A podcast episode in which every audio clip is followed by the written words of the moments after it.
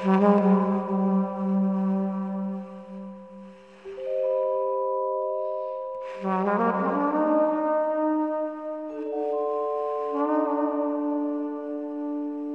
luistert naar geluiden uit Oost. De afgelopen maanden waren we door de corona beperkt in onze bewegingsvrijheid. Bij elkaar komen in grotere groepen was onmogelijk. Voor niemand leuk. Het culturele en buurtleven viel stil. Zo konden de maandelijkse talkshows dwars door Oost zes maanden lang geen doorgang vinden. Gelukkig gingen ze onlangs weer van start. Geluiden uit Oost was erbij en had een gesprek met Arie van Tol over de buurtkrant en de talkshow. Mijn naam is uh, Arie van Tol en ik ben uh, sinds een jaar of zes, zeven uh, eindverantwoordelijke voor de buurtkrant, dwars door de buurt.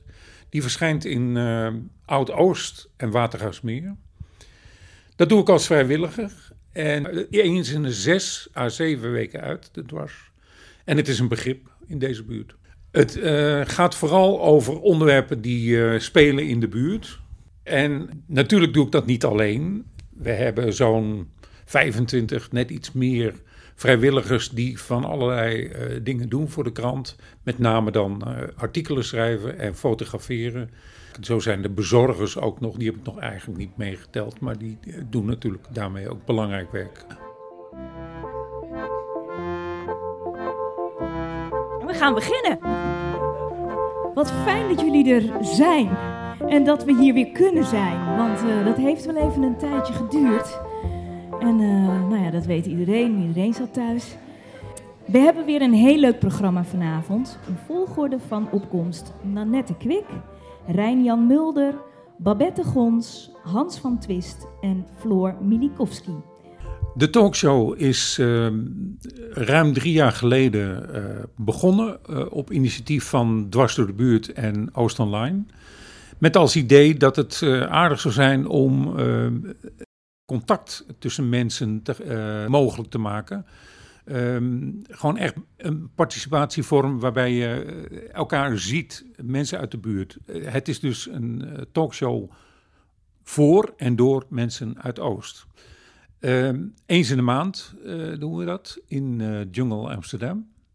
Uh, er zijn er vijftig gasten per avond en die worden zo'n 15 à 20 minuten geïnterviewd. Dat kunnen heel diverse onderwerpen zijn, van sport tot politiek tot cultuur. En we hebben vaak een schrijver. Um, er is ook een muzikaal intermezzo en natuurlijk met een... Dus een applaus voor Babs Gons.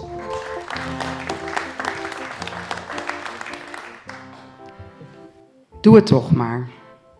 Zeg dat maar tegen jezelf op die momenten dat je niet meer weet waarvoor je het doet.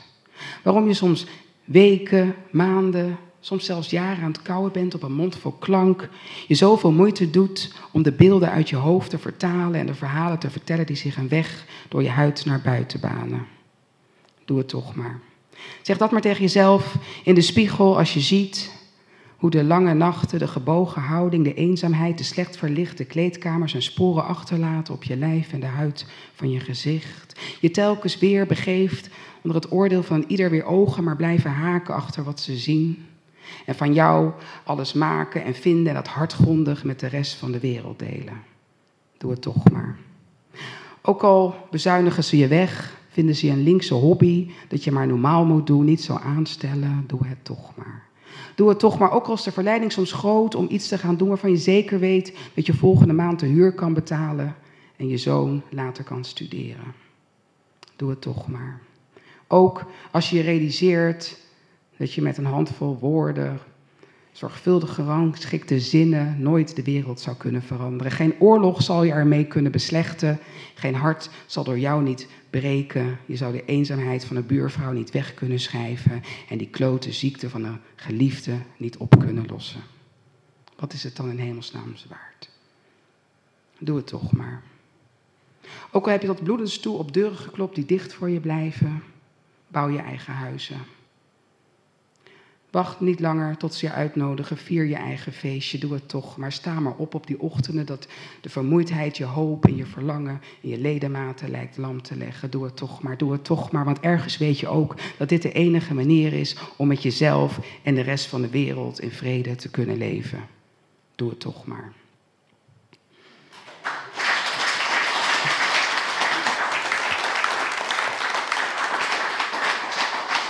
Mooie introductie uh, van wat nou spoken word is. Want um, ja, voor mijzelf is het een soort verfrissende nieuwe vorm van wat ooit saai geneuzel was van dichters. Boekje voor de neus, brilletje op en dan fluisterend. En ja, jij maakt er een, een hele performance van. Hoe ben je er zelf toe gekomen om dit te gaan doen? Wat was jouw eerste ontmoeting met spoken word? Op een gegeven moment, eind jaren negentig, zat ik even in New York. En daar stapte ik ergens binnen en toen zag ik mensen zoals ik, die op een podium stonden en die heel dynamisch verhalen vertelden. En toen dacht ik, uh, dit is wat ik zelf heel graag wil doen. Mm -hmm. En uh, ja, bij terugkomst in Amsterdam, toen uh, heb ik heel tijd gezocht naar zulke soort avonden. Die waren er af en toe, eentje hier, eentje daar. En toen dacht ik, nou ja, als het er niet is, dan moet ik het zelf uh, opzetten. Mm -hmm. Dat heb ik toen gedaan. Um, en dat heb ik ongeveer tien jaar in Paradiso tussen 2099 2008 uh, vrijwel maandelijks avonden georganiseerd. Palabra's heette dat. Totdat je eigenlijk je eigen stem vindt. En uh, wat ik wel heel erg merk, want iedereen in Nederland, of bijna iedereen, kan wel goed Engels. En toch mm-hmm. krijg ik heel vaak de reactie dat uh, mensen het toch wel heel prettig vinden. Engels heeft iets makkelijks, waardoor je het ook soms niet. Er zit ook iets afstandelijks in. En als je uh, in het Nederlands merk je toch dat je iets dichter bij de mensen komt. Nederlands taal is een beetje hoekig en, en, en, en vierkanterig en, en lele lange houterige woorden. Maar dat is juist wel meer een uitdaging, vind ik, mm-hmm. om daarin uh, te werken. Ja. ja. Hartstikke fijn, dankjewel voor het gesprek.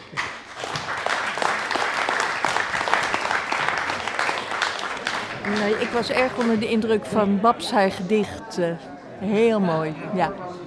Prachtig. Ja, ja. Komt u hier regelmatig bij uh, ja, Dwars door de Buurt? wel, ja, ja. Ja, alleen in coronatijd was het niet, hè. uh, ik vind dat je heel veel dingen over de buurt waar je woont, uh, dat je daar kennis mee maakt. Dingen waar je anders niet zo gauw kennis mee maakt. En de afwisseling, de breedte van de onderwerpen, vind ik erg leuk.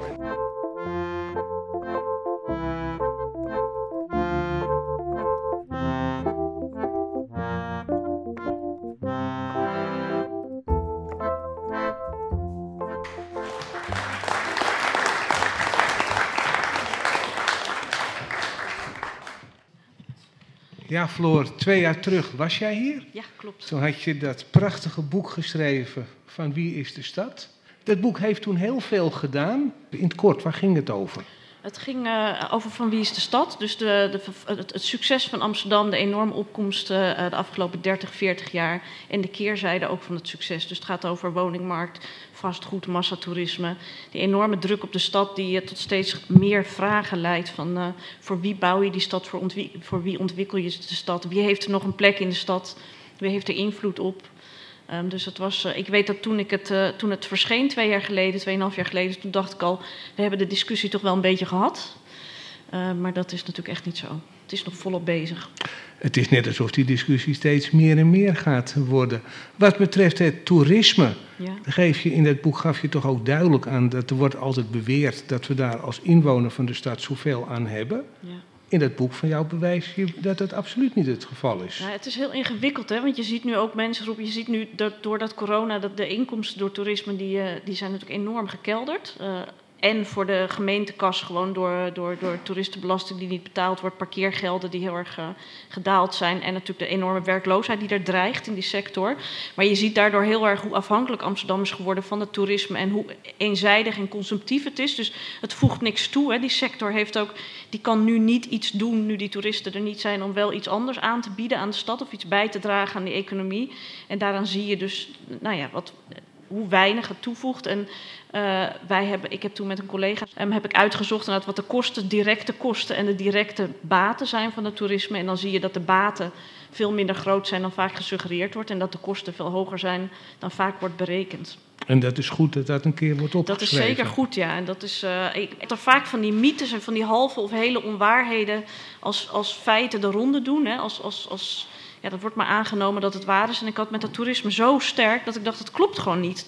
De aannames rondom, en nu ook met dat Schiphol, hè, dat, rondom dat cruciale belang van het toerisme van de stad, dat is gewoon onzin. Het is kul. Deze stad deed het hartstikke goed zonder dat toerisme en zal het ook zonder toerisme weer hartstikke goed doen. En het is nu een tijdelijke, door de opkomst van die industrie, hè, die toerisme-industrie, en doordat we allemaal zo welvarend en uh, mobiel en reislustig zijn geworden, uh, is er een enorme uh, toerisme-industrie opgekomen. Maar dat betekent niet dat die onmisbaar is voor de stad. Integendeel, deze stad doet het veel beter met minder toeristen.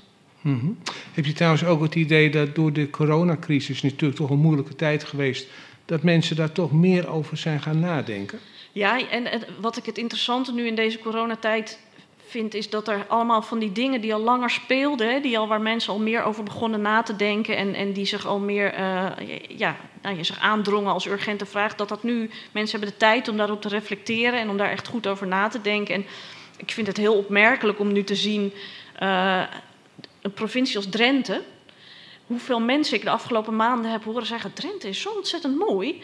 En je hoeft helemaal niet naar weet ik veel waar. En, en dat is natuurlijk het gekke: dat je op een gegeven moment is het zo makkelijk om een vliegticket te boeken naar waar dan ook uh, uh, voor minder dan geen geld. En is het eigenlijk moeilijker om nog te ontdekken wat er in je nabije omgeving uh, voor moois is. Ook omdat die industrie, weet je, als je je eenmaal hebt aangemeld voor cheap tickets, krijg je elke dag drie berichtjes van moet je niet weer eens naar. Nou ja, en dan denk je op een gegeven moment misschien, ja, misschien moet ik wel weer eens naar, weet je wel. Um, dus, dus het is, mensen worden heel erg, zonder dat ze het doorhebben, vaak gedreven door allerlei commerciële belangen. Uh, en laten zich heel makkelijk meevoeren. En nu zie je dat mensen toch beter gaan nadenken: waarom vlieg ik eigenlijk de hele die wereld rond? Uh, is het eigenlijk inderdaad in Barcelona nog wel zoveel leuker dan uh, op Texel? Um, is Drenthe niet inderdaad misschien leuker dan, dan Thailand soms? Dus mensen die worden gedwongen om na te denken. En dan is dat soort ja, iets wat toerisme, wat inderdaad heel veel overlast inmiddels op heel veel locaties veroorzaakt. En ook nog ontzettend vervuilend is. Ja, het is goed dat daar eens over wordt nagedacht. Ook die hele horecasector, die hotelsector, die nu zo ontzettend zielig doet, denk ik ook. Ja, had je maar niet zo eenzijdig moeten inzetten op, uh, op een industrie die, uh, die de hele wereld kaal vreet.